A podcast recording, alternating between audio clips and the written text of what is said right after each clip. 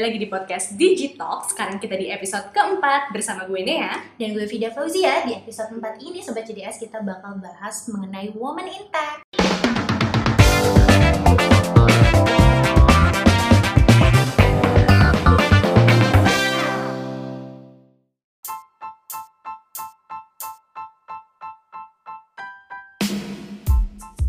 Oke Sobat CDS, nah hari ini kita bakal bahas Woman in Tech Kenapa sih kita bahas itu?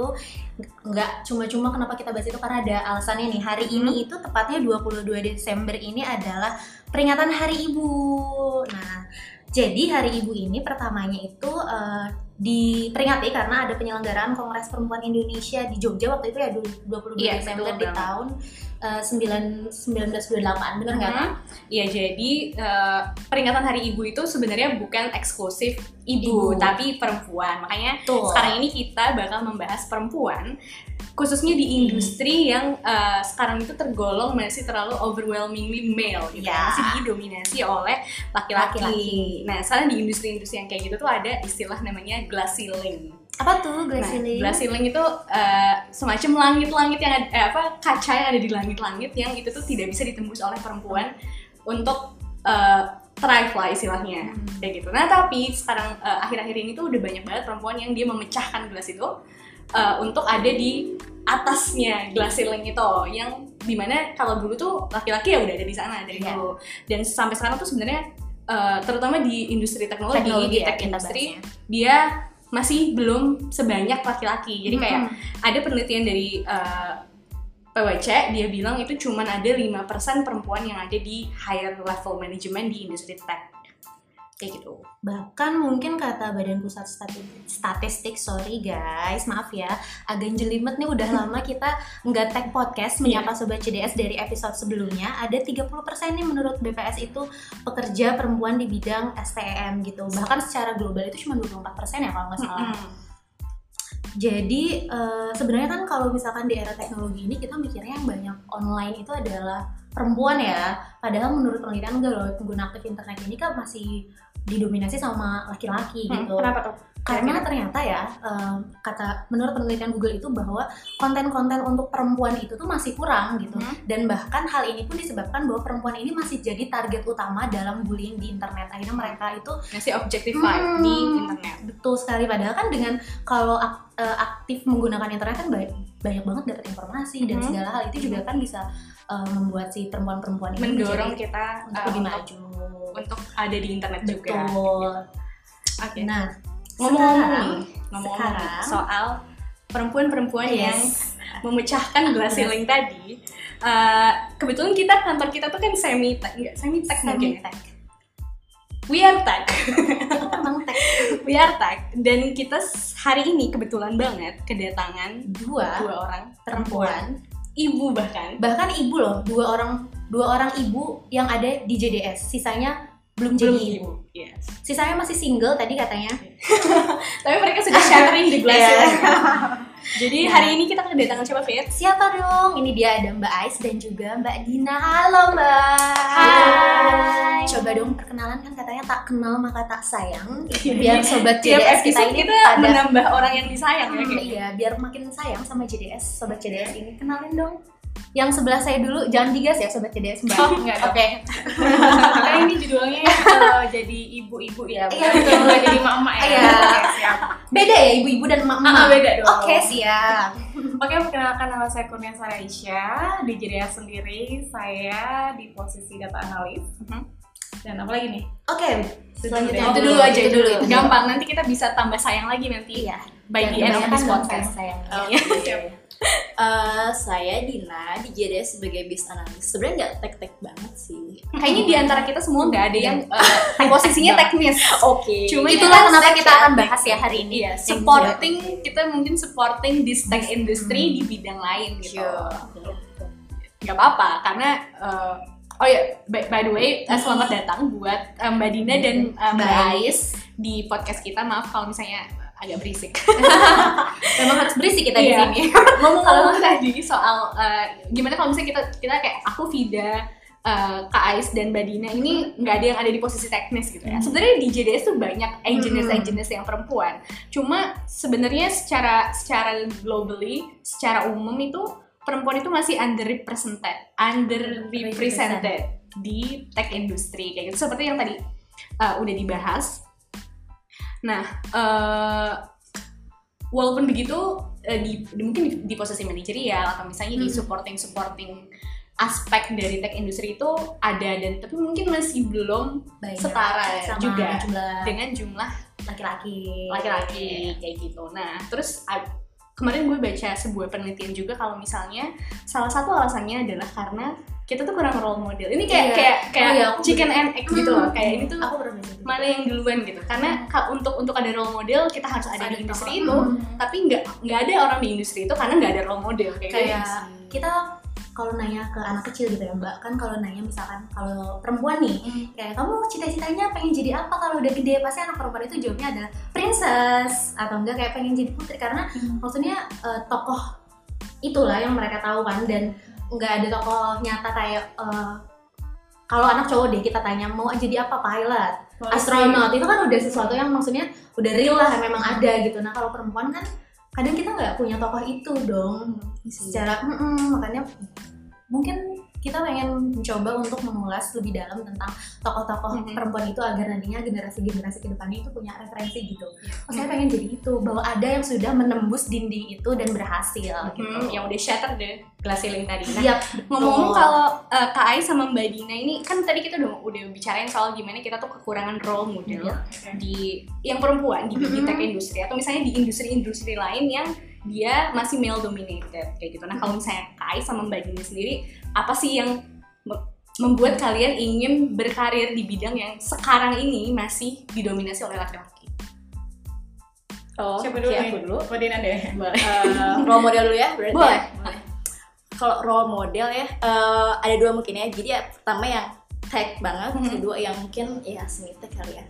Yang semi tech ini mungkin dari Indonesia. Mhm. Aku suka banget sama Bu Susi sih. Oke. Bu Susi tuh mungkin engineer nggak ya? Beliau punya eh, Susi R sih ya. Mungkin Mhm. itu agak-agak ya ada engineeringnya dikit ya. Stem-stemnya ya, ada sedikit sedikitnya lah ya.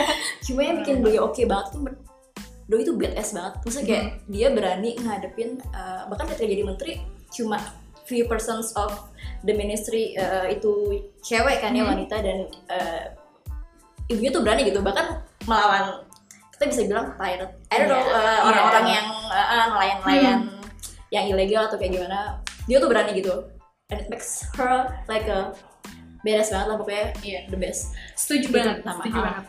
kedua itu ada yang namanya ini yang agak tech ya Alexandra Elbakian Aku baru dengar tuh siapa teman. jadi pernah dengar Sayhap nggak Aha. Sayhap ah founder So, Sayhap ini so, uh, so sort of like a hacker. Iya, bisa dibilang sih ya. Nih, uh, disclaimer ya, kita tuh nggak me Oke. sini bla bla bla ya. Ini juga sih. Cuma eh, kenapa ya? Si Alexandra ini keren banget karena dia berani dan dia punya value yang diperjuangkan gitu. Jadi kan sebenarnya Sehap itu intinya adalah portal yang bisa eh, me- jadi pool gitu untuk jurnal-jurnal paper yang tadinya kan ada semacam apa ya barriers itu paywall, gitu. Paywall. jadi orang tuh harus bayar dulu baru bisa baca eh, jurnal-jurnal yang mana ilmu itu banyak banget dan yang mana kalau misalnya bayar itu berarti ada beberapa negara atau institusi atau bahkan perorangan yang nggak bisa Akses, ngakses iya. kayak misalnya let's say negara-negara yang least develop yang Iya. mana bahkan soalnya kalau satu paper tuh bisa kayak Mahal banget belasan dolar gitu satu Iya. doang ya itu baru satu doang dan mereka tuh justru orang-orang paling butuh karena mereka butuh untuk akselerasi uh, di negaranya Mhm. jadi institusinya kayak gitu dan si Alexandra ini dia berani banget untuk nge mendobrak mendobrak kali Iya. ya dia tuh mendobrak walaupun mungkin bisa dibilang ilegal ya dan Mhm. dia juga sekarang lagi dalam persembunyian katanya karena emang dia di show sama Elsevier kalau nggak salah salah satu jurnal yang paling uh, gede tapi value-nya dia luar biasa dan itu ngebantu banget khususnya buat kita kita oh sorry uh, gue. Dan beberapa orang lain yang Karena Sahab itu membantu banget penyelesaian skripsi. banget banget banget banget. Kayak gitu sih. Ya dua orang itu sih menurut aku yang paling yang oke banget. Terus kenapa nih memutuskan untuk ah oke Nah sebenarnya be- sekarang di JDS mungkin aku sebagai base analyst cuma background aku itu sebenarnya engineer garis keras. Garis keras. Garis keras. Di highlight ya. S1 itu elektro jadi iya matematika teknik udah lewat lah ya. S2 ku energi jadi lumayan garis keras. Cuma setelah akhirnya ke dunia kerja itu kok malah makin kayak semakin helikopter itu semakin menarik gitu. Hmm. misalnya kayak kalau misalnya elektro itu kan bener-bener detail ya. Kita ngelihat bener-bener rangkaian nih gimana sih biar gak jeblok biar gak meledak bla bla bla. Energi gimana supaya kita bisa uh, let's say energi efficient dan bla bla bla. Nah lebih seru itu nyata menurut aku kalau kita ngeliat helikopter view yang mana eh gimana ya? Mungkin bisa dibilang uh, expert generalis kali ya. Mhm. jadi kita punya expertise cuma kita bisa ngeliat itu dari sisi masing-masing orang. Yang mana itu sebenarnya masih kurang. Jadi mungkin ada orang yang jago banget nih ngoding ada yang jago banget uh, ngitung. Ada yang jago banget uh, bikin hardware and bla and bla. Tapi ada orang-orang yang jadi ada satu orang yang seharusnya itu bisa mengorkestra semua Iya. orang itu biar bisa uh, apa yang namanya mencapai suatu goal atau objektif yang fokus gitu sebenarnya kayak gitu. Nah aku tertarik sama role itu makanya di sini apanya dan alhamdulillah diterima gitu ya. jadi eh, kayak gitu sih sebenarnya. Oke, cool. Kalau Kais gimana Kais? gimana Kayaknya sebenarnya salah satu idola aku udah disebutin sama Teh Dina sih ya. Emang Bu Susi. Bu Susi. Kayaknya itu kayaknya idola kita semua gitu ya, role model kita semua gitu ya. Kita nggak ngelihat, jadi kita nggak ngelihat uh, background secara uh, pendidikan dan lain sebagainya, tapi uh, isi kepala gitu dan uh, aku tuh karena sebelumnya pernah magang di luar, jadi uh, ini menancap banget di, di kepala aku bahwa jangan melihat orang tuh dari baju yang dia pakai dari uh, badannya dia seperti apa tapi sebenarnya dari isi kepala dan itu ada di Bu Susi gitu. Mungkin dari jajaran menteri juga mungkin ada Bu Sri Mulyani juga yang 11-12 mungkin yang cuman gaya stylenya aja yang Lebih beda rapi gitu ya. nah, lebih cantik gitu kali ya. Cantik sih Bu Susi, cuma Bu iya iya cantiknya beda. Itu sih kalau kalau di di Indonesia sendiri terus kalau di luar mungkin karena kalau dibilang eh, nggak tek-tek banget sebenarnya aku agak kurang sepakat sih. Mhm. karena sebagai data analis pun sebenarnya kita juga menggunakan machine Iya. untuk bekerja gitu tapi kitalah yang mempekerjakan Hmm. si machine itu jadi masih ada kaitannya tech tapi mungkin tidak se intens teman-teman yang dari engineer engineering kayak ya mungkin ngoding dan sebagainya tapi juga by the way data analis juga ngoding ya gitu. gitu sih jadi salah satu ini mungkin nggak nggak cukup populer sih orangnya tapi aku karena pernah baca satu artikelnya jadi eh, ada Heike gimana ya bacanya? Tulisannya Heike Hoffman orang Jerman gitu. Yang dia tuh sekarang udah melalang buana di American Association Statistical gitu. Dan dia tuh fokusnya ke uh, interaktif data visualization. Hmm. karena orang tuh sekarang kalau ngomongin analisis data tuh kayaknya terlalu muluk milih metode dan lain sebagainya. Padahal menurut aku sesed- sesederhana memvisualisasikan data itu orang tuh bisa baca gitu nggak harus memahami metodenya dan lain sebagainya. Tapi divisualisasikan aja sebenarnya data yang awalnya angka itu bisa jadi informasi. Dan si ibu ini si Heike Heike masih bacanya? Heike Hoffman Mbak Dini juga nggak tahu ya saya nggak tahu. Mbak Dina pernah ke Jerman gitu cara bacanya. Ya pokoknya itulah Heike Hoffman itu eh, dia tuh concern banget penelitian di eh, visualisasi itu sih. Jadi kayak membumikan itu dan ya kayaknya aku pengen juga gitu kayak jadi dia jadi ini nggak usah terlalu muluk-muluk yang analisis mendalam gitu sebatas memvis bukan sebatas sih karena visualisasi pun sebenarnya juga Penting. cukup. Yes. Karena justru uh, mungkin dengan visualisasi itu dari kalau kalau misalnya metode itu mungkin data analis yang tahu ya. Cuman kalau misalnya awam kayak kayak misalnya aku juga aku kan kita uh, yang tidak bisa memban- membantu kita juga mengerti data Iya. dan bisa mungkin problem solvingnya bisa lebih Mm-mm. mudah kalau misalnya datanya dibacanya lebih mudah. Aku mau juga dong. Boleh nggak? Apa? Ngasih satu. Boleh. Oh terus kayak kayak boleh kamu minta permen. Boleh silahkan shaker kalau modelnya tidak berasa jadi itu ya bintang tamu ya hari ini ya. Enggak tapi kemarin tuh ada yang menarik sih. Aku lagi baca juga kan tentang eh, jadi ada salah satu buku gitu di Jerman yang dia mengulas tentang women in tech.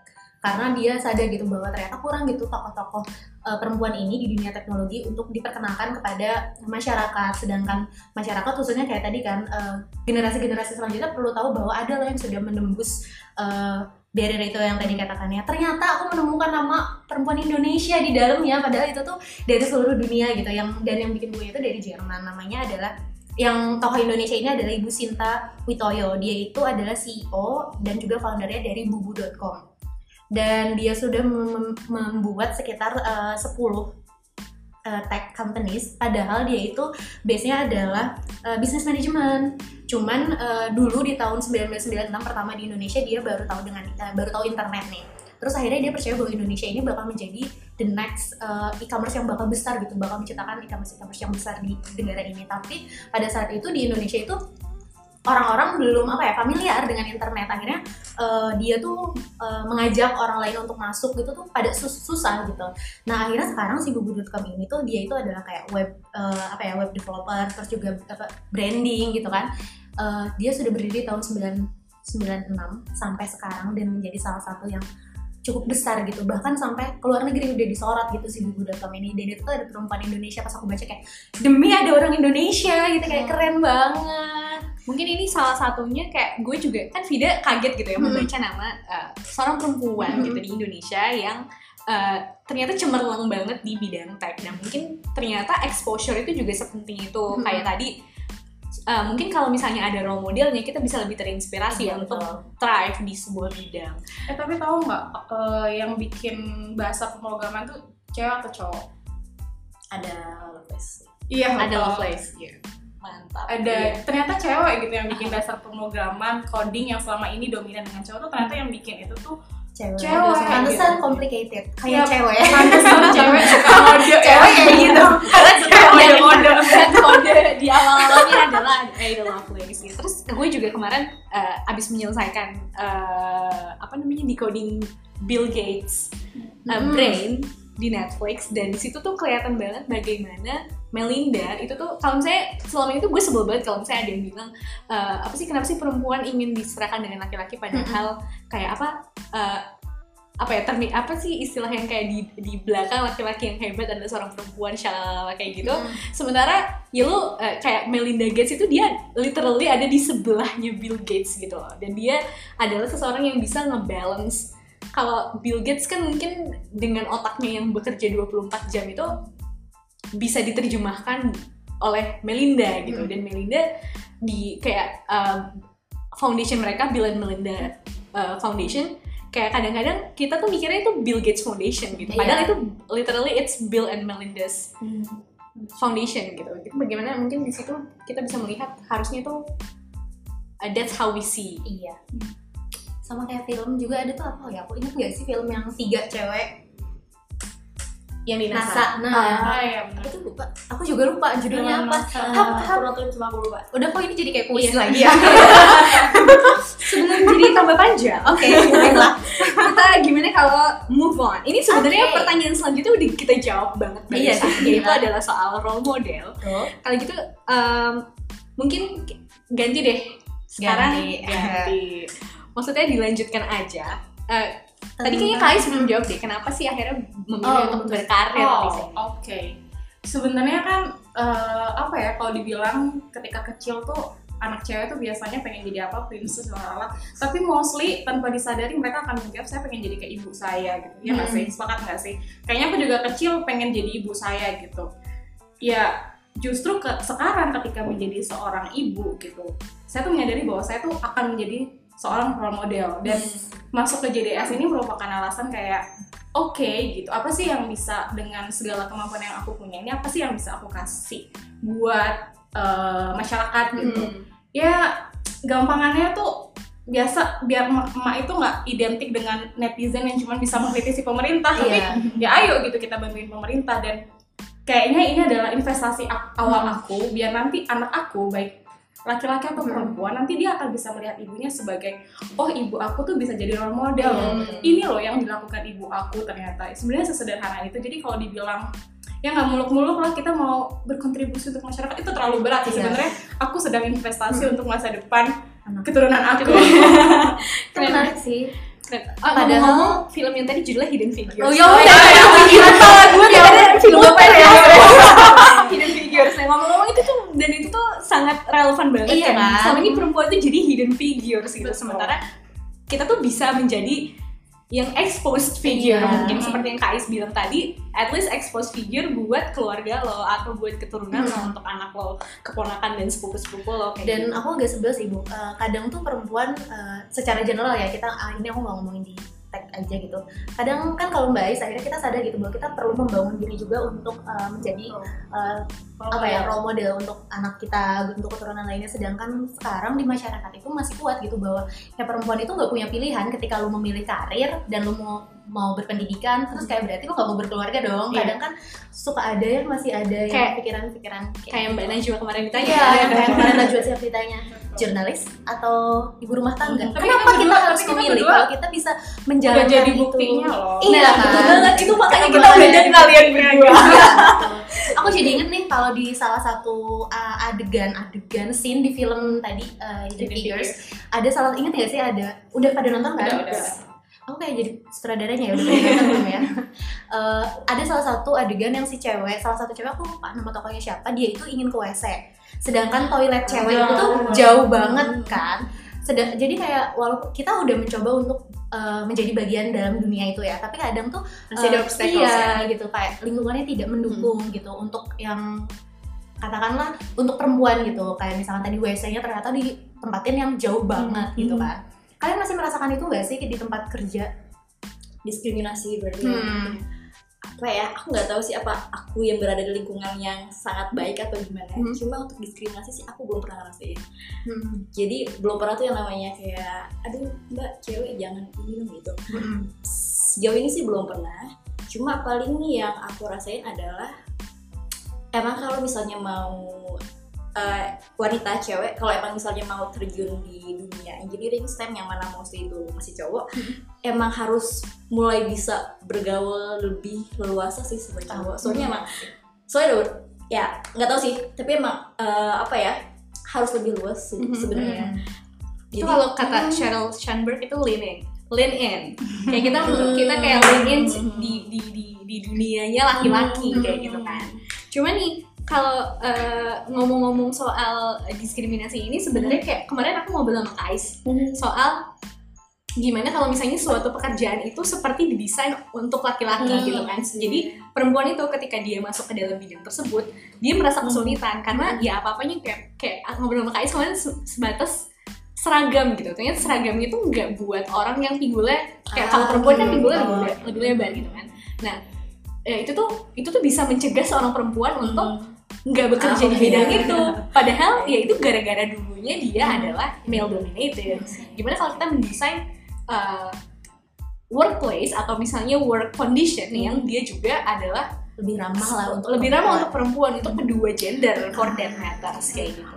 Sama kayak mungkin eh, kalau kita lihat di beberapa perusahaan yang memang udah aware sama ini kayak mereka Hmm. menyediakan action room gitu kan Ya. ataupun terus kayak misalkan ada eh, apa sih kayak kalau lu lagi PMS lu boleh eh, Cuti, cuti cuti. gitu kan sekarang atau enggak. ya semacam kayak gitu Hmm. sih. Itu kan cukup cukup Hmm. apa yang membantu dan juga ramah untuk perempuan. Apalagi seorang ibu yang memang dia memilih untuk eh, sambil bekerja juga gitu kan. Boleh dong cerita Mbak Dina sama Kak Ai soal uh, tempat kerja atau misalnya kondisi kerja yang dia tuh suitable for women. Maksudnya dia seperti memfasilitasi uh, kondisi perempuan juga. Kayak misalnya uh, pregnancy kayak gitu atau uh, ketika seorang seorang pekerja perempuan ini sedang menyusui kayak gitu boleh nggak sih diceritakan mungkin? Nah boleh ini betul pengalaman aku sendiri sih. Eh, jadi aku baru berhenti nyusuin anakku. Belum berhenti sih sebenarnya masih sampai sekarang masih nyusuin. Tapi anakku udah dua tahun lebih. Jadi sebenarnya secara apa ya hukum Islam gitu ya, saya udah nggak wajib memberikan asi. Nah sebelum dua tahun itu karena aku merasa wajib, jadi aku selalu pumping setiap hari di kantor. Nah jadi ini mau nyepet dikit ya. boleh silakan Ada semua platform. belum ada nih ruang laktasi sebenarnya dan belum ada freezer. Yang mana itu sebenarnya lumayan penting sih kalau buat orang yang pumping gitu ya, frequently buat nyimpen si asiknya dan juga ruang yang apa ya private dan nyaman kali ya buat pompa. Nah sejauh ini sih karena emang nggak ada ya sebenarnya ada sih ruangan-ruangan kosong cuma karena aku lebih suka pompa sambil kerja ya bu ya? Nonton sih nonton YouTube. Atau ngapain gitu ya di depan laptop yang nyaman. Jadi emang lebih enak tuh di meja sendiri cuma emang harus pakai iya ya apa sih apron kayak gitu. Mungkin emang mungkin aku sih sebenarnya santai aja cuma Iya. orang-orangnya kayak nawan nih orang itu iya. ah padahal bener sih. Soalnya emang eh, sebenarnya kalaupun eh, nggak ada relaktasi tuh kita tuh bisa ya karena kita kan emang bekerja di ya di tempat yang kita berharapnya tuh orang-orang open mind gitu loh. Iya. jadi ya kita yang beradaptasi gitu kalaupun tidak ada relaktasi sebenarnya aku juga kalau mau pumping di mana-mana aja juga nggak masalah gitu cuman stigmanya pada kenyataannya sekarang itu itu masih terlihat tabu gitu Hmm. kita harus yang kayak seolah-olah eh kamu kok di sini sih sembarangan kok nggak di tempatnya Hmm. seperti itu jadi sebenarnya tidak harus ada tempatnya tapi kayaknya pola pikirnya aja sih yang perlu di diperbaiki gitu Justru ternyata si kebutuhan untuk ada ruang tersebut tuh justru gara-gara ada stigma kalau misalnya iya iya. betul. tempat yang sih sebenarnya. We got a lot of things to work Nah, eh, anyway, selama eh, menjalani karir nih kalian di dunia tek- eh, industri teknologi lah, pernah nggak sih eh, melihat atau enggak menyaksikan kayak transformasi apa di bidang teknologi itu yang menurut eh, Mbak Ais dan juga Mbak Dina itu kayak keren banget gitu sampai sekarang? Kayak apakah machine learning atau apa gitu. Semenjak kita dulu kuliah atau sampai sekarang menurut kalian apa transformasi di dunia digital ini yang membuat kalian jadi wah kalau aku sih lebih ngerasa sebenarnya mungkin aku beruntung juga kali ya karena dari Hmm. kecil udah dikasih komputer Hmm. laptop dan lain-lain jadi kelihatan lebih smooth sih misalnya kayak eh, transformasi Hmm. teknologi bla bla bla bla cuma ada satu teknologi sebenarnya yang buat aku agak ajaib ya tanda kutip. Sebenarnya karena aku lebih nggak paham sih itu ilmunya gimana. Karena dia sangat-sangat eh, sinyal enable enable apa gitu kan. tuh? Eh, charging wireless. Saya nggak paham itu gimana ajaib banget. Kayak tiba-tiba laptop eh sorry HP tahu di atasnya aku bisa itu dulu. Wah luar biasa. Itu kayak nggak kebayang sampai sekarang kayak machine learning itu masih agak kebayang. Oh algoritmanya tuh gini. Walaupun nggak bisa Oke. ya cuma kebayang algoritmanya gini gini gini. Atau misalnya apa ya yang robot kebayang Iya. algoritmanya gini gini, gini. Cuma si charger wireless tuh Tapi- nggak ngerti gimana? BTW aku jadi pengen cerita. Aku dulu ikutan kayak uh, Sony itu ada Ericsson Hmm. oh Sony Ericsson dia tuh ada uh, apa ya Barcelona unboxing Hmm. di Jakarta. Jadi kayak memperkenalkan teknologi-teknologi 5G itu kan Hmm. 5G ya. Ada wireless itu itu tuh sebagai kayak ucapan terima kasih gitu loh. Dapat wireless portable gitu. Terus kayak gue kayak orang bego ini apa ya? Ini buat apa ya? Tapi ini kalau apa pakai foto bisa nggak buat. Gak bisa. Terus jadi kayak ini gak guna juga. Kayak ini apa ya? Terus kata temen aku itu itu apa juga ya? Terus dibuka terus kita lihat oh ini buat charger. Wah se-amazing itu karena emang 5G wak- eh, sampai sekarang juga belum belum ada kan di sini. Ternyata yang mendukung itu tuh untuk wireless portable itu adalah 5G ah sih tuh learn something new every day. Guys gimana guys? Ah, apa ya? Mungkin eh, especially di bidang data kali ya. Soalnya dulu tuh honestly aku milih jurusan statistik tuh hanya karena tidak ada pilihan lain gitu oke.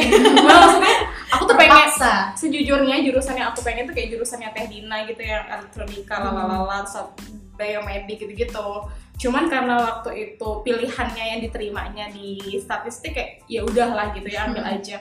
Terus eh, ternyata setelah eh, kuliah dan kemudian ke sini jadi kayak nyadar gitu bahwa oh ternyata the sexiest job in the world Hmm. sekarang itu adalah orang statistik dan kayak gitu. Oke eh, kebetulan ini membawakan keberuntungan. Alhamdulillah ya diambil statistik dan sekarang kayaknya justru orang-orang yang jadi data talent tuh malah eh, backgroundnya udah nggak lagi eh, statistik atau matematik justru malah banyak berangkat dari teman-teman IT kayak gitu sih. Jadi kayaknya eh, bukan melawan sih tapi justru berjuang sih orang-orang yang berangkat dari teori ini. Gimana kita bisa mengimbangi eh, teman-teman yang dari IT karena IT udah jago coding tapi mereka mungkin baru belajar teori. Sementara kita teorinya udah udah mantep banget tapi kita harus belajar eh, codingnya gitu. Sebenarnya karena sekarang tuh jadi kayak transformasinya tuh cepet banget di data. Kayak dulu tuh cuman ada posisi data analis kemudian apa. Sekarang tuh kayaknya banyak banget deh data manager lah data engineer lah BI analis BI developer terus kayak dipecah-pecah gitu loh yang tau gak sih? Dulu tuh data analis tuh udah dari depan sampai dari belakang sampai depan Sendiri gitu gitu. kayak data engineer plus BI plus lalu jadi data analis. Sekarang tuh data analis tuh udah kayak separuhnya gitu kerjaannya. Jadi ngebayanginnya oh aku untungnya mungkinnya jadi data analis di zaman now. Kalau zaman sebelumnya kayaknya Oh, akan pusing sulit ya. sekali. dan itu juga mungkin alasannya kenapa teman-teman dari IT yang mungkin dominasinya laki-laki jauh lebih kuat gitu struggle untuk mengerjakan banyak hal gitu. Mungkin kalau perempuan tuh kan soalnya attention to detail ya meskipun dia multitasking tapi kita tuh maunya detail-detailnya itu sampai diiniin lah gitu. Jadi itu sih transformasi yang paling cepet banget di zaman sekarang tuh Nih ngomong-ngomong nih pertanyaan iseng aja sih sebenarnya. Kalau eh, dengan se- segala transformasi teknologi yang cepat banget ini kerasanya kalau kalau gue sendiri yang kerasa cepet banget itu handphone sih menurutku. Kayak dulu aku melihat ayahku punya handphone yang segede-gede gaban, yang cuman yang ada antenanya ya. Yang ada antenanya menarik gitu loh. Terus sampai dia tiba-tiba bisa main snakes, terus ada kameranya, ada flip phone segala macam. Sampai sekarang eh, apa eh, handphone itu ya udah kayak komputer di di saku lo aja gitu bisa melakukan liter literally almost everything di handphone kamu kayak gitu. Nah kalau di- di ini kan amazing banget gitu ya as a as a part of human civilization gitu. Kalau kalian sebagai perempuan merasa included nggak sih di eh, apa Jadi namanya bagian dari bagian dari transformasi Itu. tersebut karena kadang-kadang lo melihat launching Apple gitu atau misalnya launching software apa yang berdiri di atas panggung itu adalah seorang laki-laki. Kayak gitu. Yang perempuan megang ini ya megang baki ya. Nah perempuan jadi clicker. oh iya benar clicker. bahkan sekarang clicker udah ada di tangan. Iya, bener juga ya. aduh. Pertanyaan iseng aja gimana? Kalian? sih merasa bahwa oh, berat banget ya kayaknya. Kalau Berat dipikirnya banget ya. kayak mbak Dini langsung kayak belajar ini gue bukan apa-apa gitu. Cuma paling apa ya sebenarnya sih menurut aku ak- saya untuk teknologi tertentu mungkin Hmm, nggak selalu merasa dilibatkan ya. Cuma ketika eh, seorang melakukan riset ya Mhm. dan publish risetnya itu sebenarnya sama itu mereka menjadi bagian dari perkembangan Hmm, teknologi gitu. Dan eh, untuk itu untuk eh, apa namanya bidang-bidang yang semua masih masih tekuni misalnya kayak eh, Mbak Is mungkin pernah bikin paper apa nggak tahu tentang berkaitan sama data eh Vida apa eh, Nea apa.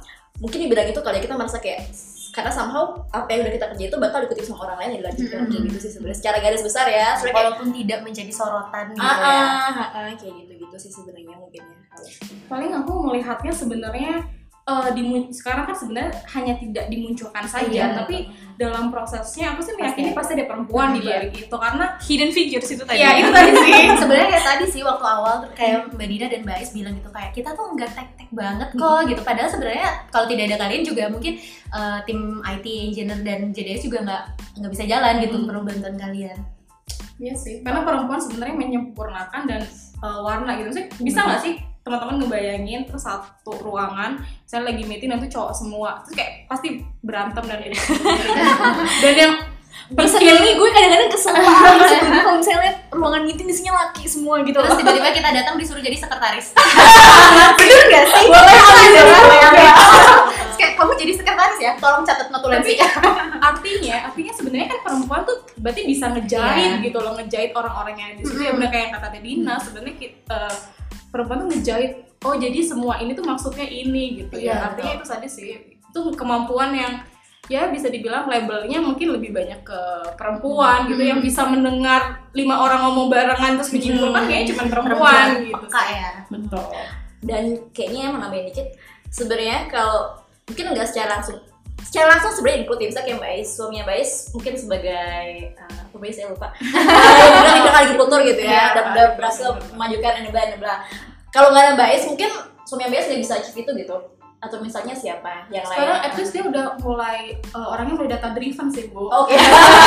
Udah mulai on data gitu. atau misalnya kayak istrinya Jeff Bezos saya lupa namanya ingat nggak yang udah cerai yang udah cerai itu. Ada yang kan dia Terus baru taunya cerai. Iya, cerai gitu. Iya soalnya agak kontroversi gitu.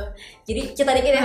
Si Jeff istrinya itu yang aku lupa namanya siapa. Hmm, kan mereka udah cerai nih terus si istri itu dapat kayak Berapa dia persen? jadi wanita satu wanita terkaya Hmm. karena dapat Dapat berapa eh, persen saham? dari dari si Bezos. Dan orang pada bilang wah dia eh, beruntung nih ada banyak dulu gitu kan padahal sejatinya ya sebenarnya kan si Jeff Bezos itu mereka dia mulai dapat kekayaan ketika dia masih bareng sama si istri dari Iya. awal kan yang mana kita nggak tahu struggle-nya kayak apa Iya. dan gimana si istri support itu jadi sebenarnya menurutku pribadi sih itu bukan settlement dari suaminya tapi emang itu hak iya hak dia. dia gitu kayak gitu gitu sih sebenarnya labeling sih. Oke, aku mau nanya nih. Kalau dari Mbak Ais sama Mbak Dina, ada nggak sih harapan kalian ke depannya untuk industri teknologi itu sendiri di bidang gender, gender balance? jeng jeng Jeng, jeng. ya Harapan. paling gini sih ya sebenarnya sebenarnya uh, menurut aku uh, eh, si tech industry ini bisa aja itu sama perempuan. Cuma emang ada beberapa hal yang membatasi perempuan itu sendiri. Bukan bu- bukan membatasi perempuan, membatasi perempuan yang sudah menjadi ibu sebenarnya. Mhm. Sebenarnya kalau perempuan biasa itu mungkin akan lebih leluasa ya. Mhm. Cuma aku ngerasain banget bedanya ketika aku masih single dan ketika aku udah menikah dan punya anak itu apa ya? Pace-nya itu akan menyesuaikan. Mhm. Kayak misalnya dulu mau pulang jam 11 malam berangkat jam 8 nggak ada masalah. Sekarang even jam 5 udah dicariin sama anak. Kayak gitu-gitu sih. Jadi eh, mungkin ambisinya bisa diterusin cuma harus lebih bisa memanage waktu. Gimana caranya supaya tetap work life balance ya. Hmm. work life integrate sebenarnya sih. Karena misalnya sejatinya juga kalau misalnya sejatinya bahasnya aja. Eh, misalnya kayak aku prinsipnya bukan work life balance sebenarnya lebih ke work life integration. Jadi kalau misalnya eh, kan kalau misalnya ibu-ibu itu ya ibu-ibu yang punya anak itu kan baru bisa kerja ketika anaknya tidur ya. Hmm. yang mana anak tidur itu bisa aja pagi siang sore malam. Nah jadi nggak kerja itu nggak harus di 8 to 5 tapi ketika anak tidur jam 2 malam jam 3 malam tuh ketika anak tidur ya udah kita kerja gitu. Hmm. as long as uh, uh, feel, uh, achieve gitu apa yang mau kita uh, uh, capai kayak gitu sih. Jadi pesannya mungkin lebih ke perempuan ya apalagi yang udah uh, ingin berkeluarga dan bla bla selesai bukan selesai ini apa ya kejar lu mimpinya yang mungkin akan agak terbatasi ketika udah menikah. Ini dari aku ya. Aku nggak tahu misalnya ada orang lain yang bisa achieve banyak ketika walaupun udah menikah. Ehm, kejar dulu yang emang agak sulit. Mungkin sih cuma emang agak beberapa hal agak sulit ketika udah menikah. Dan baru memutuskan ketika udah menikah ya udah gitu baru dikejar yang eh, apa ya yang less sebenarnya ke oke next. Ini ini masih masih debatable gitu jangan dibatasi cuma It is debatable, tapi menurut Mbak Dina kalau gitu apakah perlu gitu? Industri ini tuh ya facilitate gitu? iya sih sebenarnya pesannya lebih ke situ sebenarnya that's Dan bukan bukan mungkin mungkin bukan bukan kita yang mengalah gitu ah, kasarnya ah, ah, tapi nah, eh, gitu. kenapa tidak kita coba ciptakan lingkungan yang mendukung semua Ah, itu iya, betul, betul. dan balik lagi sih ke stigma kali ya karena sampai sekarang pun saya tuh masih kayak sering banget orang tuh nge-labelinnya tuh kayak oh wanita karir wanita karir yang mana ketika label itu tuh masuk ke seorang ibu Hmm. itu tuh jadinya kayak label yang buruk gitu Iya. kayak kamu lebih milih kerjaan uh, dibanding anak kamu kamu. gitu seolah-olah ya. Padahal kan ya balik lagi tadi yang aku bilang loh aku kan lagi investment buat anak aku Hmm. kayak gitu sebenarnya. Jadi sebenarnya stigma-stigma itu yang ya melalui lingkungan kerja juga kita berusaha menepis gitu. Kayak kita buktikan bahwa kita bisa menjadi karyawan yang baik dan juga ibu yang baik dan tidak perlu ada yang dikorbankan tidak perlu ada yang dipilih gitu. Iya, karena ya cewek kan skillnya memang diciptakan untuk multitasking Hmm. multi peran ya udah gitu jadi nggak usah di eh, kotak-kotakin gitu dan seharusnya memang di lingkungan kerja pun eh, dari teman-teman yang laki-laki pun mungkin lebih bisa bukan memberikan excuse ya Hmm. untuk mendiskriminasikan tapi lebih ke toleransi dan juga Hmm, empati Hmm. bahwa oh ini seorang ibu loh ketika misalnya dia memilih work from home misalnya suatu hari oh ya udah berarti oh anaknya lagi rewel dan lain Iya. sebagainya Hmm. dan tidak juga men-set ekspektasi tuh lower than other Hmm, gitu iya. yang oh ini kamu ngerjain ini aja lah gitu Hmm. Dan itu juga dari kitanya juga harus buktiin bahwa Hmm. aku bisa kerja dengan waktu yang sedikit Hmm. tapi optimal gitu Hmm. ya kita emang diciptakan untuk bisa melakukan semuanya Nah, kita gitu. harus milih kalau kita bisa memilih. Hmm, itu sih. Tapi btw sebenarnya ya, kalau misalkan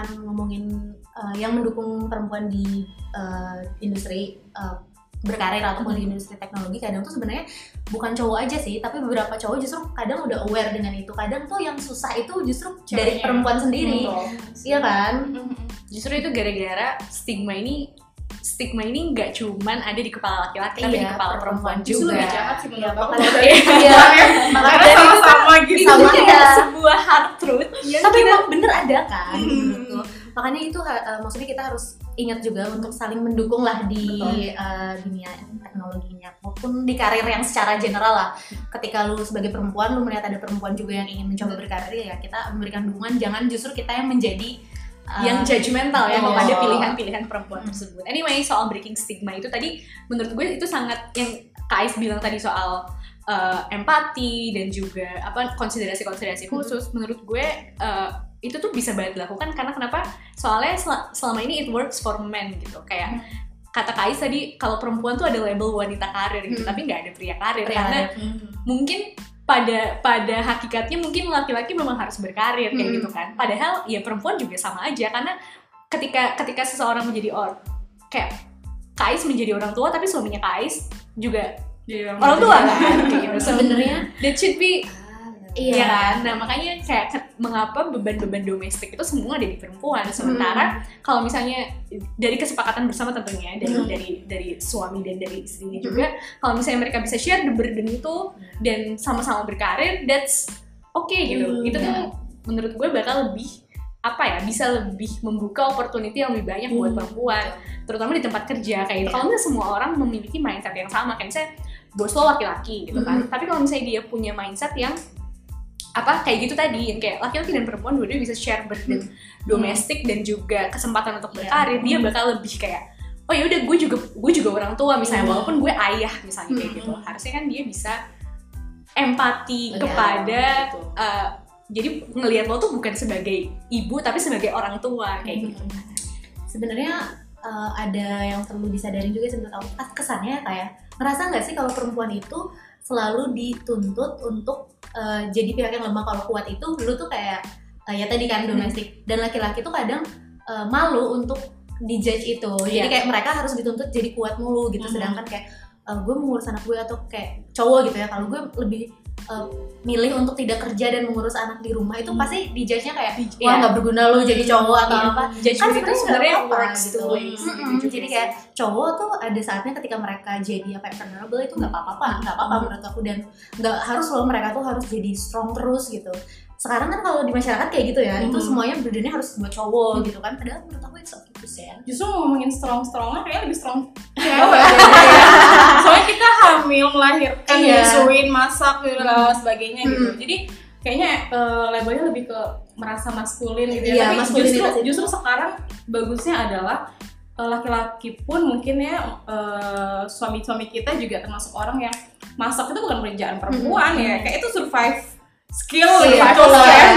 iya. Kamu harus bisa dan ya mungkin kalau emang yang udah kita nggak bisa misalnya melahirkan dan menyusui ya udah itu kayak emang emang bagian Tugas kita, kita. gitu. Dan kayak misalnya cari duit yang dominan itu ya tugas tugas lo Hmm. gitu kan. Tapi sisanya nyapu masak dan sebagainya ya pekerjaan domestik itu ya dibagi berdua. dan bahkan kesempatan untuk berkarya itu juga harusnya dibagi Dibagi berdua gitu. Jadi nggak ada labeling yang labeling stigma itu sebenarnya itu yang harus kita itu yang harus dihapuskan gitu bahwa ya udah terus sekarang juga ada go clean kan ya.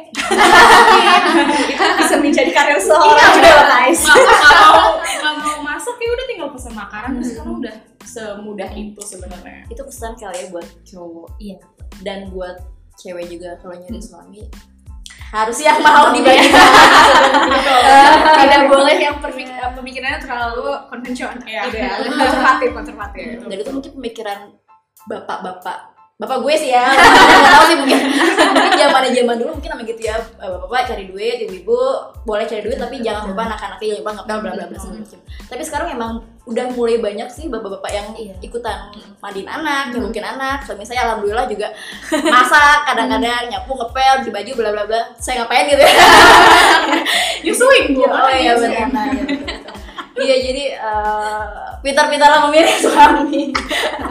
Pesan. Itu eh, itu sebenarnya sesederhana. Kalau eh, kita baik perempuan maupun laki-laki bisa saling berempati dan Hmm, betul. bertoleransi di rumah otomatis di lingkungan kantor udah udah Ke bawah otomatis juga gitu. ya. attitude-nya udah pasti pasti kayak begitu gitu. Aku tuh kadang dulu ini pemikiran lucu banget maafin aku bapak aku kadang kan kalau kalau bapak suka gini tuh tuh tuh bantuin mama. Kenapa nggak bapak aja? Kan lagi lagi tuh tuh masih kayak kita gitu yang di sana. Terus adik adik gue yang laki juga gak pernah gitu main PS ya udah main PS aja. Pasti kan tuh tuh bantuin mama. Anyway seru banget obrolan hari ini. Mungkin eh, dari obrolan kita dengan eh, Mbak Dina dan Kak Ais yang terutama mereka ini kebetulan sekali dua-duanya ibu gitu ya bisa memberikan perspektif bagaimana eh, perempuan yang paling terstigmakan mungkin ya di dunia karir adalah eh, ibu gitu. Semoga eh, pendengar-pendengarnya Digitox yang mungkin dia keinginan untuk membangun keluarganya keras apa maksudnya? Sangat kencang dan dia tapi juga dia Ingin memiliki ingin ingin memiliki karir yang juga cemerlang bisa menjadi inspirasi Iya, kali ya buat terus eh, apa ya untuk mereka juga yang pengen coba masuk di dunia teknologi tapi ber- eh, mikirnya kayak oh kita nggak akan ada uh, progres atau masa Iya. depan di sana ada loh ini orang-orang yang sudah bisa menembus itu Mhm. Jadi semoga obrolan kita hari ini bisa menjadi inspirasi buat sobat-sobat CDS betul hari sekali. ini dan, Dan supaya perempuan tidak menjadi hidden figures lagi. betul Semoga ini menambah role model. ya Terima Bagi- kasih udah diundang jadi pembicara, jadi kita nggak terhidden kan ya. Iya, ini adalah salah satu bentuk kita uh, usaha kita untuk mengekspos Betul. figures-figures perempuan. Terima kasih sekali lagi kepada uh, Mbak Dina dan Kak Ais. Oke, dan sobat CDS mungkin itu ya Ya, eh, episode kita kali episode ini. 4 eh, digital Talk kali ini dan sama seperti biasanya jangan lupa untuk mengirimkan komentar, saran atau masukan dan apa pun itu kalian bisa ngirimin di eh, Instagram kita, email atau kalian bisa lihat di eh, Deskripsi podcast kita. ini silahkan di slash gitu. Silahkan berikan masukan atau mungkin apa ya, Saran, saran topik, tema-tema selanjutnya itu. Pembicara, betul banget tapi kita jangan tiba-tiba Melinda. Gates juga ya. Iya, jangan guys. Tolong eh, yang bisa dijangkau. Iya. Yang Oke. bisa Eh, mungkin itu eh, episode Digital kita hari ini. Semoga kalian menikmati Betul sekali, semoga bermanfaat dan sampai ketemu di Digital episode selanjutnya. Dadah.